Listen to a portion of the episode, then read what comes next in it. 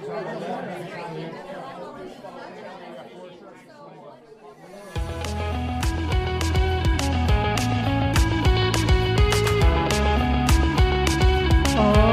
simbiosiños e simbiosiñas. Hoxe estamos un día máis nun programa de podcast de De Paroleo, o podcast da Asociación Simbiose financiado por Iniciativa Xove da Xunta de Galicia. Hoxe estamos aquí Fanny, Lorena, eu unha servidora e temos unha convidada eh, moi especial, Cristina Pichel, directora xeral de Xuventude, Participación e Voluntariado. Benvida, Cristina. Hola, graciñas, boas tardes. Bueno, primeiro de todo, graciñas por eh, vir aquí, participar nun dos nosos podcast, eh, porque, bueno, fainos moita ilusión que, que veñas a un dos nosos programas. eu veño encantada, aparte que me gusta coñecer os proxectos de iniciativa xove dende dentro e creo que poucos eh, participei tan dende dentro como neste caso. Eh? pois nos, nos encantadas, a verdade. Bueno, esta entrevista vai ser unha conversación. Nos isto, claro, ti eres periodista que nos enteramos, e bueno, nós de periodismo pouco sabemos, así que primeiro de nada, perdónanos, perdónanos a vida, porque seguramente non o sepamos facer moi ben, pero eso sí, facémolo con todas as ganas, non, Fanny? Sí. Pois pues iso é o máis importante mellor intención, sempre. o mellor que podamos.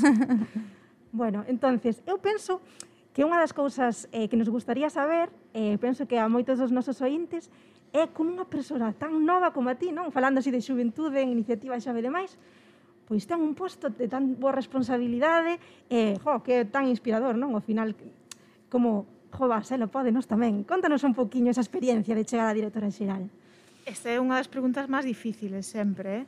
De feito, mm, só me fixeron dúas veces. E a, a primeira foi hai uns días que tuven que ir a un evento en Silleda de xóvenes talentos da comarca do Deza e me convidaron, en vez de ir como, bueno, pois, eh, a facer unha intervención institucional, convidaron a falar de min. Eh, xuro lo que pasei no mal, porque, porque dixen, oh, ora, como, como fago esa reflexión interna de, bueno, pois dos anos, non? Dos anos que, que, que se sucederon hasta o día de hoxe, non? Uh -huh. Entón, bueno, pois vou a utilizar un pouquiño a estrategia dese día para, para falar un pouquiño de, de como se chega hasta o día de hoxe, non? Uh -huh. Que eu creo que ao final é importante falar do proceso, claro. non tanto do, do momento actual, que, que é ilusionante e é unha responsabilidade pois que bueno, que che permite facer moitísimas cousas eh, nun colectivo tan bonito como é a xente xoven, non? Do cal aínda me incluo, pese a que superei por pouco os 30 anos.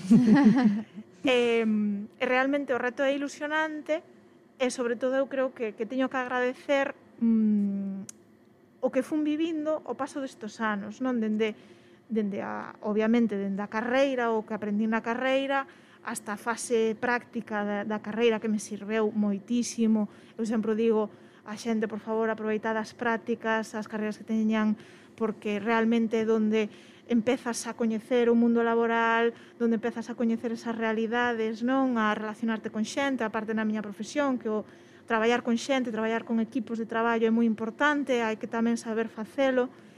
Entón, dende aí, non, a, atacando, comecei a traballar despois eh, contratada xa no, na edición de Galicia do ABC, eh, aprendi moitísimo e despois xa no, no, na parte dos gabinetes, non en 2015 me, me incorporei ao gabinete de prensa da Consellería de Cultura e eh, Educación e realmente mm, é un luxo poder traballar con xente que sabe tanto e da que aprendes tanto, non? Eu uh -huh. sempre digo que hai, é super importante ter vos referentes para ir aprendendo, ir absorbendo, ser esa esponxa, non? Que te permite pois todos os días sumar capacidades, non? E eu creo que o que teño que estar agradecida dese traballo eh, adquirido a través da, da experiencia dos anos. E, eh, e despois isto pois ven pois case sin, sin contar, bueno, sin contar, basicamente, sin contar, e claro, presentanche unha oportunidade así e, e non hai outra opción que dicir que sí, non? Eu creo que todo claro. o mundo, vamos, cando, cando lle dicen que que podes, eh, digamos, contribuir a mellorar as políticas para a xuventude, pois eu creo que é un reto ilusionante desde calquer punto de vista, independentemente da idade que teñas, sí, non? Sí.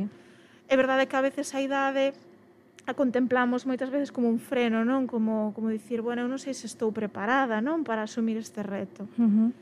Eu creo que hai que valorar non tanto isto que é normal ter medo e ter certas preocupacións, senón pensar nas capacidades que ten un mesmo para afrontar situacións deste estilo, non? E centrarse máis en como facelo que no, no, no propio reto en sí, non? Claro. A verdade é que ten que ser moi ilusionante e, eh, e eh, non sei, estar como cada día ten que ser un día un día novo. Eh, vinculado un pouco co tema da idade, non que falabas de que era un pouco como autolimitante, algunha vez te encontrastes de que pola túa idade o mellor non te tomaran tan en serio como como deberían ou ou bueno, porque a min tan me pasado, non, que moitas veces como o mellor son a máis nova do meu grupo de traballo e demais, como que a veces é como, bueno, sí, cos anos aprenderás, cos anos xa me dirás. sí. Non sei se o mellor a ti che pasa algo así ou, ou non tanto nunca me atopei cunha situación así mm, que eu forse consciente, non? Si cunha certa sorpresa a veces, non? De, pois de, de contar cunha persona nun posto de responsabilidade que, que sexa xoven. Pero sí que a veces, bueno, hai certas confusións, non? A min xa non é nin a primeira vez que me confunden con un participante nunha actividade, non? Pois de ir a un campamento e pensar, non, que pode ser unha monitora ou un participante, non é a primeira vez que me que me pasa E despois eu creo que eh, estas cuestións eh, se solventan falando e cando a xente pois, te coñece non e te escoita. Eh, e a idade ao final non é máis que un número nun carne de identidade. O resto, pois, obviamente, é o traballo que ti expós eh, e as cualidades que te expós cando, cando faz algo. Uh eh, -huh. E comentabas antes, non, de que na dirección xeral se facían moitas cousas distintas. Contanos como sería un día a día, eh, pois como directora xeral. un día a día. Bueno, pois un día a día normalmente pois me desperto como sobre as sete e media da mañá, máis ou menos, e o primeiro que fago sempre é ler a prensa. É uh -huh. unha deformación profesional e un hábito buenísimo para todo o mundo que, que, que lle aconsello, de feito. E, e despois pois, chego ao despacho sobre, sobre as oito e media nove e, e aí empeza un pouquiño pois a xirar o día conforme o deixaches o día anterior ou conforme as prioridades dese día, non? Uh -huh.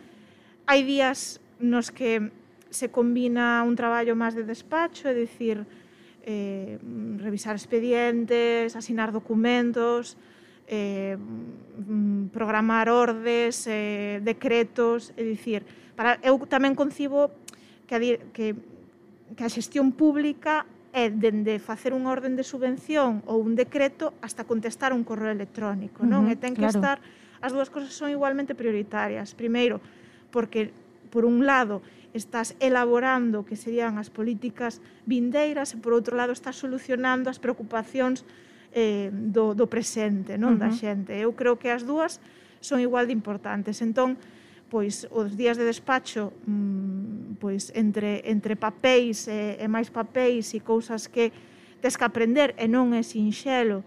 Eh, eu pola miña forma de ser sempre intentei facer todo no mesmo día e aquí tes que aprender a que hai cousas que teñen que quedar para o día seguinte. Claro. Porque é imposible abarcar todo, non?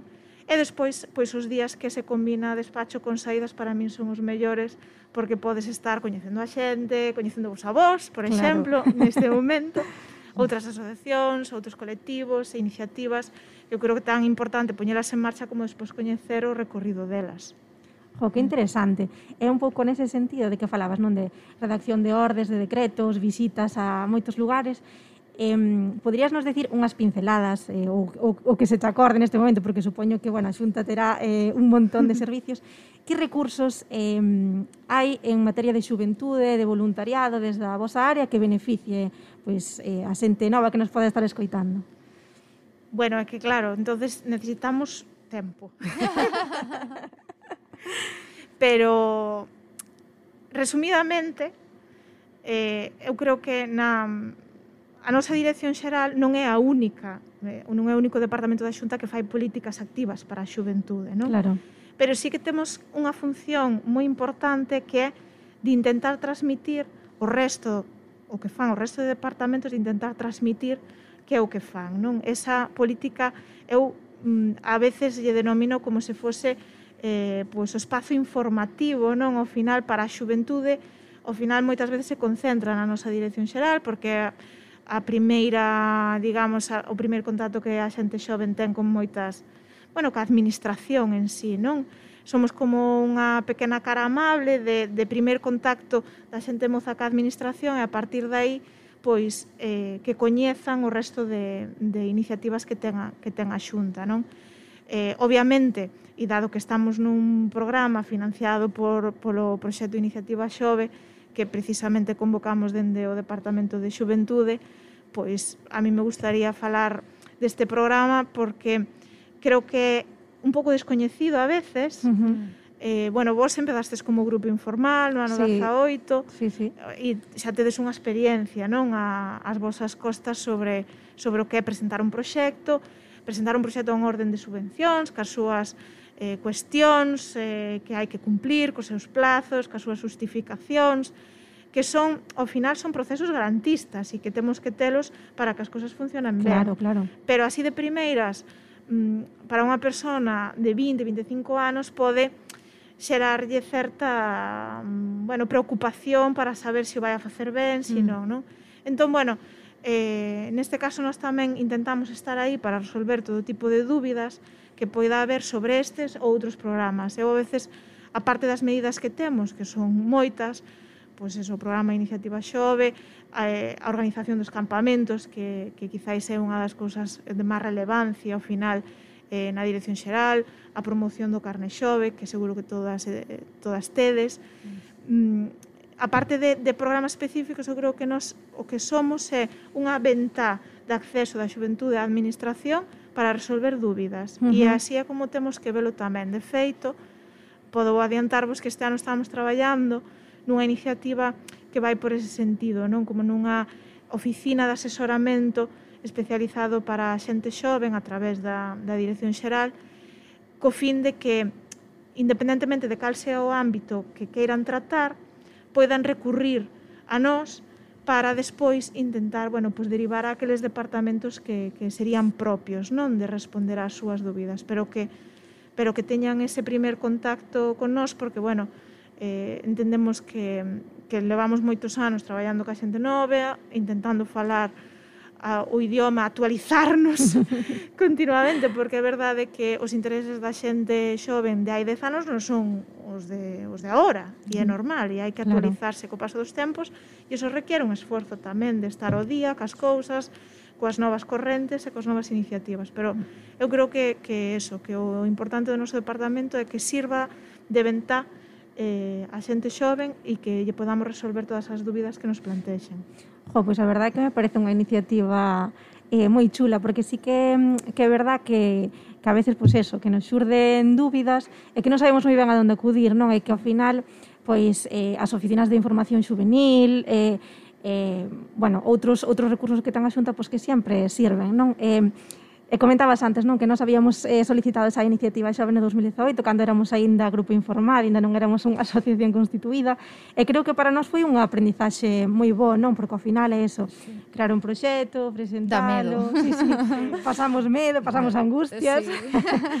tamén o pasamos moi ben. Sí, moi ben. Bueno, penso que é un, que é un aprendizaxe moi bo, eh, pois pues, para, para todas as persoas, eu creo, sí. e, e tamén para aprender a ler unha subvención, porque, madre mía, É un pouco comezo. Madre mía, madre mía, para entender a veces o linguaxe administrativo eh, é, é complicado, é bueno, é, é un, un pouco comezo, eu penso. Eh, agora, bueno, eh, saliu un pouco como algún dos retos, non? Eh, que era, pois, eso, a información, de que a veces non temos acceso á información e non se coñecen os recursos, eh, estades eh, intentando suplir esa parte. E, eh, eh, bueno, non sei se se te ocurre algún, o sea, outros retos que hai de cara ao voluntariado agora mesmo, Sí, pois eh, efectivamente cando falamos de, de participar non na, na vida pública eu sempre digo que para participar hai que, hai que primeiro saber como estar informado non para poder facelo.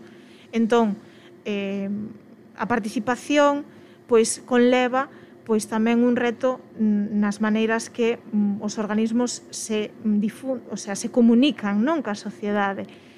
E, e sobre todo o que o que intentamos no aido da participación é, do mesmo xeito que empezastes vos como grupo informal, favorecer unha participación inicial, é dicir, sin necesidade de estar constituídos como asociación, podes participar de xeito activo en, en iniciativas de xuventude como grupo informal e despois sempre tendendo a pois que eses grupos informales se convirtan en asociacións, non? E se aparte de, de favorecer ese, ese, esa transición que para nós debería ser eh, lóxica e normal, pois se favorece unha implicación maior por parte de persoas voluntarias que poidan contribuir a que esa asociación pois medre, poida facer máis iniciativas, poida facer máis proxectos, pois moito mellor. En esta línea, eu creo que temos que traballar eh, en xeral dentro das institucións, obviamente, favorecendo pois eso que cada vez máis xente xoven, principalmente, se involucre en proxectos asociativos dentro do ámbito do voluntariado, e tamén eu creo que é un traballo desde a propia rede do asociacionismo galego, non?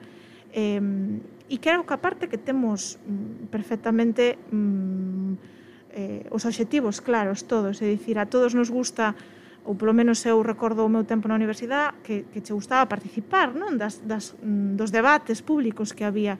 Eu creo que hai que intentar canalizar pois, esas ansias non? De participar iniciais que tes a veces cando eres estudiante en realmente en ámbitos que a ti che motiven e que, e que favorezcan que, que poidas axudar a túa contorna axudar aos demais, que é o voluntariado. O voluntariado é eso, axudar a que máis o, o precisa, non? E, bueno, e tendo en conta que estamos nun ano santo xacobeo que, que vai a ser mm, importante uh -huh. promover eh, pois que a xente se implique eh, no ámbito do voluntariado pois pode ser unha boa opción para, para introducirse, non? Pois sí, pois sí.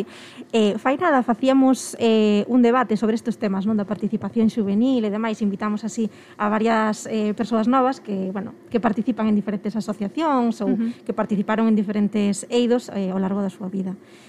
Eh, e comentábamos, non, eh, en ese debate que moitas veces a, a xente nova lle costa moito participar e que moita, moitas veces ben por propias barreiras da, da persoa, pero que sobre todo ben por, mm, por temas, ou, ou eso foi un pouco a reflexión que levábamos non, de descoñecemento ou da, da dificultade de que a información chegue. Entonces, eh, non sei eh, se a mellor tedes algunha estrategia desde a Xunta eh, para que esa información chegue ou, para, ou algún tip que tamén podamos utilizar eh, nós como aso asociación para que tamén eh, seamos capaces de chegar a cada vez máis xente, porque nos demos un pouco conta non de que as asociacións, eh, sobre todo as asociacións pequenas, temos moita dificultade en, en mm. chegar eh, eh, pois, a xente en xeral e a, e a xuventude en particular. Si, sí, era o que falábamos, non? De que para participar tens que estar informado, senón é imposible. Claro. O sea, non, non, non saberías en que participar. Si sí que é unha reflexión que, que temos feito, porque, porque é verdade, e que cada vez custa máis consolidar esa participación. Ainda que se dé, despois é difícil, pois que, que haxa un hábito de participar de xeito rutinario en, en proxectos de, de asociacións, non? Eh, é un reto que eu creo que temos que compartir mm, ambo, tanto entidades como, como uh -huh. institucións. Eh, nos intentamos eh, facer unha ampla difusión das iniciativas, animar pois, a xente a que se presente a convocatorias como pode ser iniciativa xove, que é sinxelo ao final. Bueno, sinxelo cumplindo todas as sí. os requisitos, pero ao final estamos falando de que nadie, con independencia de que eh, se ten unha idea, un proxecto que quere desenvolver, se quede sen desenvolvelo, porque non ten financiación. Non? Aquí estamos dando 5.000 euros para levar a cabo estes proxectos. E eu creo que ao final é tamén un, un reto do boca a boca. E aquí igual coincidides, non? É máis fácil, a veces, pois que Lorena eh, lle conte a súa compañeira María que ten unha asociación que van facer X proxecto e que lle gustaría pois, que participase nese proxecto, a que igual yo conta a Asociación Simbiose. Claro, sí, sí, sí. Ao final se trata, ten, temos tantas opcións a día de hoxe abertas a nosa disposición, bueno, polo COVID menos, non? Pero bueno, uh -huh. que está recuperando agora o abano de de alternativas, de ocio, de participación, de deporte, que é difícil pois que un, centralizar como obxectivo nunha única opción sola, non? Entón, eh, nós aquí sempre somos moi pesados cos participantes nos, nos nosos programas dicindo, es que por favor que amplíen a difusión que estamos encantados de acollelos mm, as veces que queiran participar pero que o obxectivo sempre é ensanchar a base social de participación non? e aí eh, bueno, boca, boca. nun momento, eso, o boca a boca é fundamental, e nun momento onde as novas tecnoloxías están a nosa disposición, non sei se mellor ou peor, porque claro, a veces hai demasiada información que, que claro, que, sí. que despois é como difícil encontrar o claro, importante dentro de toda esa unha excesiva información é desinformación. Sí. Mm. Entón, mm, claro, é moi difícil ser original, ser o que máis chama atención nun universo onde todos se están publicitando na gran plataforma de comunicación que é internet, que son as redes sociales.